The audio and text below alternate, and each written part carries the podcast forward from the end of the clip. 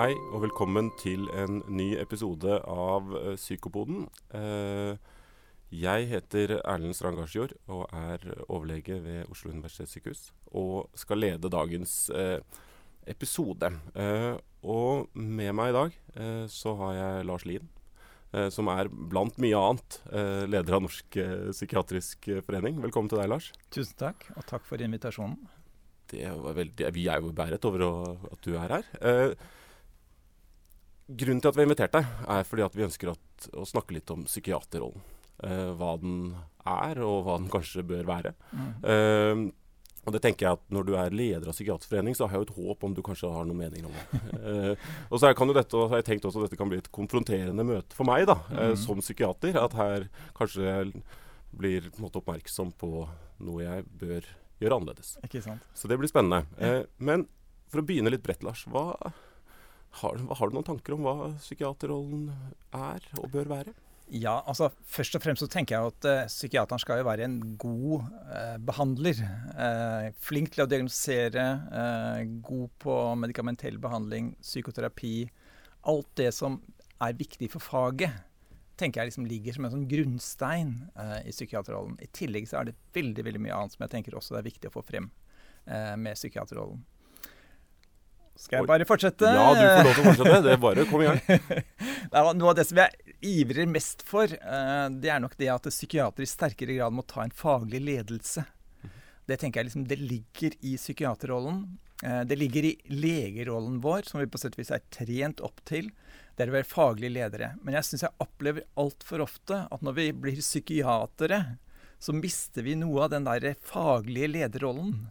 Som jeg tror vi liksom har med oss egentlig fra den somatiske siden. Og den må vi dyrke frem igjen.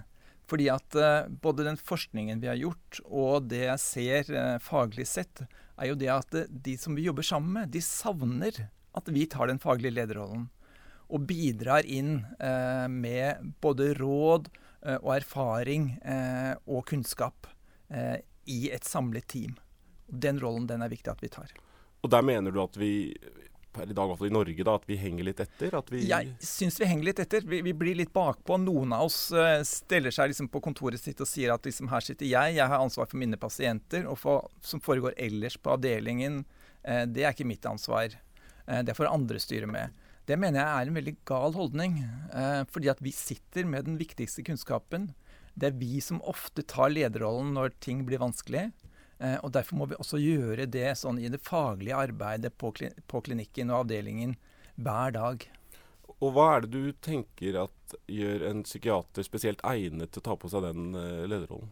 Det er fordi at vi har kunnskapen. Vi har kunnskapen om det hele mennesket. Altså både kropp, sjel, hjerne. Eh, vi kan om medikamenter. Eh, vi kan om psykoterapi. Eh, det er fordi at vi, vi har den viktigste kunnskapen som etterspørres i faget. Og fordi at vi som leger er trent til å være ledere. Det tenker jeg liksom, Vi må ikke glemme den legerollen vi har med oss fra studiet og de første erfaringene vi har som leger, i turnus f.eks. Ja, det, ja det, det er kanskje ikke noe man nødvendigvis er klar over eh, sånn som eh, fersk lege, men, eller som lege generelt. Men jeg tror kanskje at vi er på et eller annet vis lært opp i å være relativt beslutningsdyktig, iallfall. Eh, og, og kanskje det er jo på en måte, det er en viktig egenskap også som leder. Det er en viktig Eh, egenskap som leder. Ja. Og så tenker jeg at det er et eller annet med den her også dele av kunnskapen vår. Jeg tror fagfeltet i veldig stor grad eh, brenner etter eh, både å få kunnskap, eh, men også at noen på sett og vis bruker den kunnskapen til å lede eh, avdelingen fremover på riktig vis. Så ledelse, det er en viktig del av, det, av psykiaterrollen. Ja, Det Eh, tenker jeg. Og så tenker jeg liksom kanskje altså, Jeg vil ikke si at det er den viktigste, men jeg vil si at det er kanskje den mest forsømte Ja. delen av psykiaterrollen. Så nevnte du altså det, det er jo flere på en måte hatter man kan ha på Mm. som psykiater. Og du eh, nevnte jo det med på en måte, altså, i hvert fall behandlerrollen ja. eh, innledningsvis. Men det er jo også noen andre som har tenkt litt rundt dette. Mm. Eh, jeg vet annet at uh, Vi snakket litt før uh, vi slo på record her, at uh, det er bl.a. En, altså en sånn forening for medisinske spesialiteter Mm. som har laget en oversikt over hva de tenker at psykiaterrollen bør Mm. inneholde. Da. Mm. Vet ikke om du kan si litt om hva de har tenkt? Ja, det kan jeg gjøre. Uh, altså, de har jo da, Det første punktet der er jo dette med å kunne være en profesjonell utøver. Uh, som vi snakket litt om i starten. altså Dette med å ha kunnskap, eh, ferdigheter og ikke minst holdninger. Og Det tror jeg også er et, altså et viktig element i det hele. Um, og så de, er de inne på som neste punkt dette med å kunne diagnostere og behandle. Som jo tenker jeg er liksom veldig, veldig, grunnleggende. Og så er det det vi har snakket om, lede og planlegge. Som, som faktisk er et, det tredje punktet i mm. denne, denne, listen på syv punkter. Og så er det dette å være kompetent og oppdatert. Altså det innebærer på sett og vis å være faglig nysgjerrig. Eh, lese litteratur, eh, dele det man leser, eh, diskutere med kollegaer eh, osv. Der ligger det en forventning til oss, egentlig? da? Jeg tenker det ligger en forventning til oss. Og det tenker jeg igjen også kanskje er noe som forsømmes i veldig stor grad i dagens psykiatri. Eh, fordi at eh, jeg ser at eh, i somatikken er man mye flinkere til å ha artikkelmøter, f.eks. Altså hver uke. De fleste på, innenfor kirurgi og medisin leser artikler og deler artikler med kollegaer. Det gjør vi ikke i stor grad i psykiatrien. Og det tenker jeg er viktig. At vi holder oss oppdatert og bidrar til å dra inn ny kunnskap når det kommer nye artikler som kan vise oss nye metoder å gjøre ting på. Det er interessant. Jeg tenker at her er Vi jo på en måte, vi skal jo passe oss for å tenke at det ikke foregår, men det gjør det helt mm. sikkert noen steder. Men jeg tenker mm. at en, en, bare en tanke jeg fikk når du sier dette, kan det altså Bare min Jeg vet ikke om det stemmer, altså, men at det har eh, somatikk har man vært flinkere til å integrere eh, behandling og forskning i somatikken mm. enn i psykiatrien. At det på en måte mm. har på en måte eksistert mer som to liksom, separate søyler. Ja. Tror, du det kan ha, mm. tror du det kan ha påvirket også dette? Absolutt. absolutt. Jeg tenker i stor grad at det man har vært flinke til i somatikken, det er jo at uh, lederne i stor grad har vært både ledere og klinikere og forskere i tillegg. Mm. Og så kan man si at det, det er grenser for hva folk skal klare, klare, å gjennomføre. Men i psykiatrien så har det vært litt sånn at liksom, forskerne sitter på sitt eget uh, elfenbenstårn, uh, og så driver klinikerne med sitt. Og så er det ikke noe sammenheng mellom den kliniske hverdagen og forskningshverdagen. Slik at uh, Det betyr at det, at det vi gjør av behandling, blir ikke stor nok grad forskningsbasert.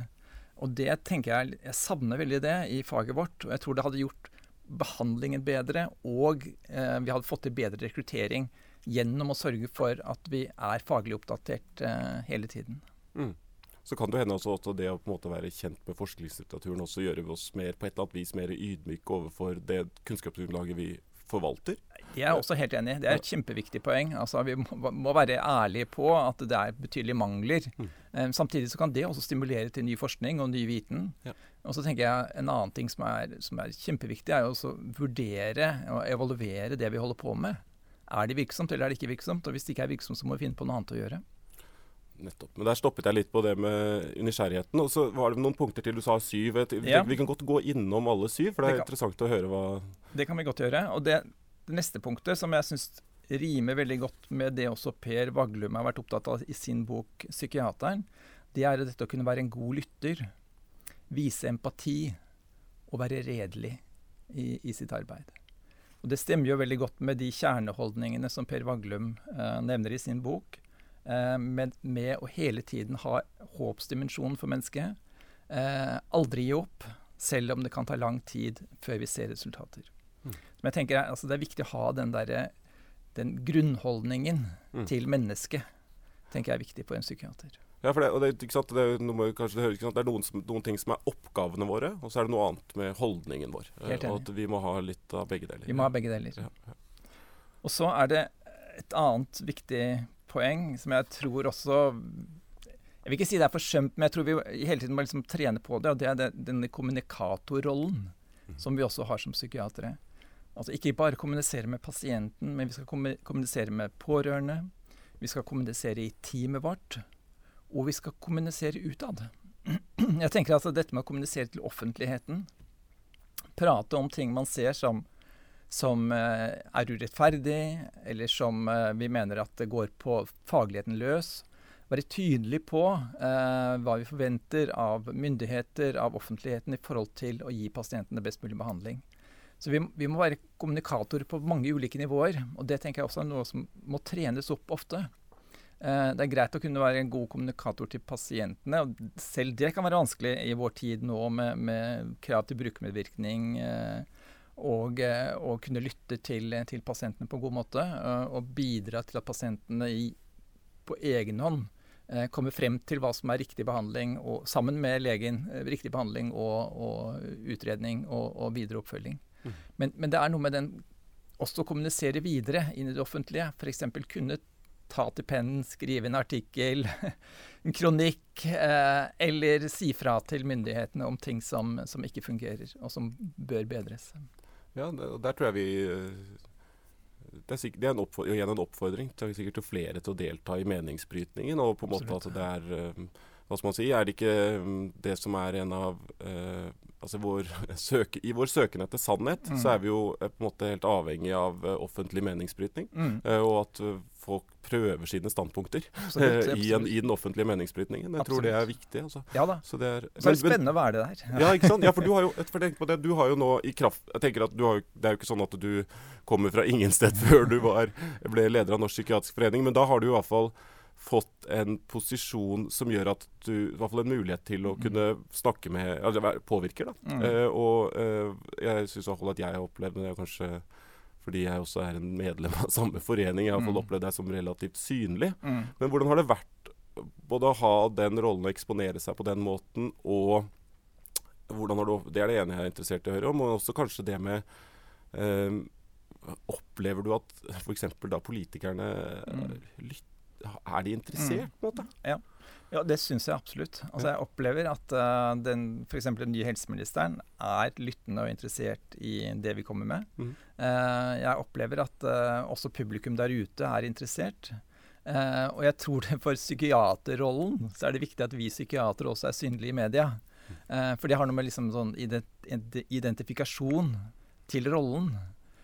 Så, så, sånn sett så tenker jeg at det er, at det er viktig at vi, men det er viktig at flere også står frem eh, og, og, forteller og bidrar inn i debattene. Eh, men, men jeg, jeg, opplever at vi blir lytta til. Altså. For jeg tenker at vi har, en, vi har viktige faglige argumenter. Eh, og jeg tenker at vi Noen ønsker å presse oss inn i en eller annen sånn posisjon av å være medikamentutskrivere og somatiske leger. Eh, det har vi sagt tydelig fra i media om at vi ikke ønsker å være. Um, og da tenker jeg at det er viktig at vi liksom troner det veldig tydelig. Vi ser hele mennesket. Eh, og vi ser også samfunnet rundt mennesket. Eh, og forstår de sammenhengene og det spillet som foregår mellom samfunn og, og pasient. Eh, og der kan vi bidra til å, å, fortelle politikerne hva som er viktig i forhold til at pasientens bedring skal Altså tilfriskning skal, skal, bli bedre. Ikke sant. Og så er vi jo et, det er jo et fagfelt som jo ganske titt og ofte kommer i altså, mm. Kanskje ikke bare psykiatri, men det er jo psykiatrien. Da, det kommer jo ofte. Eh, det er mye mediefokus på det. Det tenker jeg at, det som Jeg hørte på en som snakket om det, at eh, det handler jo også om at det vi gjør, og den behandlingen vi tilbyr, den er ganske viktig folks mm. Både for samfunnet og for enkeltmennesket. Ja. Så det at vi, vi og, det, og, da må man kanskje også tåle at av og til det kommer et mm. eh, kritisk blikk, men man må også forvente at politikerne er ganske lydhøre overfor mm. hva vi ja. tenker, da. Ja. Altså, jeg, jeg, tror at noe av det som, som, sliter litt på rollen vår, er jo litt den skvisen vi står i. Mm. Særlig knyttet til det med tvang. Eh, fordi at det, det liksom, På den ene siden så bruker vi for, ny, for mye tvang eh, når tvangstallene vises. Og på den andre siden så bruker vi for lite tvang når det skjer et drap eller en eh, voldshendelse ute i samfunnet. Uh, og der opplever jeg nok noen ganger, særlig den tidligere uh, helseministeren, at uh, det var litt sånn blaming av psykiaterne. Mm. og det tror jeg var veldig uheldig. jeg tror at den nye helseministeren, og jeg tror at det er viktig at vi også som profesjon er tydelige på de rammene vi jobber innenfor, slik at de forstår hvilke dilemmaer vi står i hver dag. Og vi tar utrolig viktige avgjørelser, og da er det viktig å fortelle om akkurat hva det innebærer. Så åpenhet og deltakelse i den uh, debatten og på en måte til den meningsbrytningen, og, ja. uh, det er viktig. I hvert fall som i hvert fall noen, En del psykiatere mm. bør drive med det. Ja da, da. Fortell ja. hvilken hverdag du står i. Du, hvilke kamper du har. Har vi kommet uh, til bunns i den listen, din, eller var det mer Nei, det er en, to ting til. Ja. det er det å eh, Altså, vi har snakket om ledererfaring, men det, også dette med teamledelse er en viktig del av det Mm. å være psykiater. Eh, det har vi for så vidt vært innom. Mm. Men det som også eh, er poengtert her, og som jeg syns er et viktig poeng, det er å ha en refleks, refleksiv holdning til egen praksis. Det tenker jeg er veldig viktig. Altså kunne spørre pasientene, få feedback på hva jeg holder på med. Eh, teste ut om det jeg holder på med virkelig har effekt, om pasientene blir bedre eh, av den behandlingen jeg gir. Eh, og tenke gjennom det. Det tenker jeg altså er, er kjempeviktig. Og det handler jo også om dette med å lese litteratur og være oppdatert på, på, på feltet. Bra. Men Det høres jo for så vidt ut som en uh, spennende liste. Synes, eller en fin liste, egentlig. Eh, um, så tenkte jeg bare uh, litt mot slutten, Lars, også gå innom litt det du snakket om, at altså kjerneholdninger. Litt Mm. mer inn på det. Mm. Fordi du Og du nevnte Per Vaglum, da, som er et, Mm. for så vidt en nestor innenfor norsk psykiatri. eh, som har skrevet en bok som heter 'Psykiateren', som jeg vil anbefale interesserte å lese. Den er fin. Helt enig. Eh, eh, men han skriver en del om disse kjerneholdningene, og du nevnte Mm. noen av de. Mm. Eh, jeg syns jo at eh, han snakker også om måte Eller skriver også en del om eh, hvordan se på pasienten. Mm. Mm. ikke sant? Og, og hvordan se på det destruktive Mm. uh, og det vanskelige på en måte, som Mm. pasienten gjør. Ja. Og hvordan vi skal på en måte møte Mm. det. Mm. Jeg vet ikke om du Har du noen Jo, tanker rundt har- jeg har det fordi at jeg, altså, jeg har jobbet veldig mye innenfor uh, ROP-feltet, altså Mm. rus og psykisk helse. Og der er det jo altså det er de dårligste pasientene med mye destruktiv atferd. Mm. Um, og der er jeg veldig opptatt av at uh, vi må forstå hvorfor uh, pasientene ruser seg. Altså hvorfor gjør de ikke sånn som vi ville gjort? Mm. Eh, og, og ha en tålmodighet i omgangen med det. Eh, og jeg tenker at, og jeg prøver også når jeg underviser å si noe om hvor viktig det er å forstå at for pasientene så har veldig mye av den det vi opplever som destruktive atferden, da, veldig positive effekter. Mm. Eh, som, som veldig mange, altså På de undersøkelsene som er gjort, så er opptil 70 av pasientene opplever jo at uh, rusmidler eh, hjelper de på tankekjør, eh, på eh, sterk grad av irritabilitet osv. Og det er så viktig at vi anerkjenner akkurat de faktorene der eh, for å kunne komme i en god dialog med pasientene, og ikke har en sånn pekefinger 'du må slutte å holde på med disse tingene her som bare ødelegger livet ditt'. Ja, ikke sant? Og det kan jo være Man får se på det som en form for mestring, men med noen alvorlige bivirkninger. på et eller annet vis, ikke sant? Og så kan man eh, prøve å kanskje hjelpe de til å finne noen andre måter å mestre på. Det er det jeg tenker. Ja. Altså, det, er der vi, og det er der vi må være. ikke sant? Det er liksom sånn Jeg ser at dette har effekt, men er det andre måter vi kunne bidra til Ja. som kunne gi noe av den samme effekten som den mer destruktive atferden du nå har? Så er jo det du sier med tålmodighet og tid, ikke Mm. sant, også et, sannsynligvis et ganske viktig aspekt. Kjempeviktig aspekt. Altså, jeg tenker at eh, altså, Vi ser jo f.eks. innen rusbehandling at eh, det er jo kanskje bare 30% som egentlig da tilfriskner, sånn Mm. som vi tenker på tilfriskning. Eh, men samtidig er det viktig å vite da at det kan gå da både ett og to og tre, kanskje ti år før de endelig kommer ut av rusproblemene sine. Men, det, men alt det som vi har gitt av input i løpet av de ti årene, har vært viktig til at de kommer til den beslutningen etter ti år.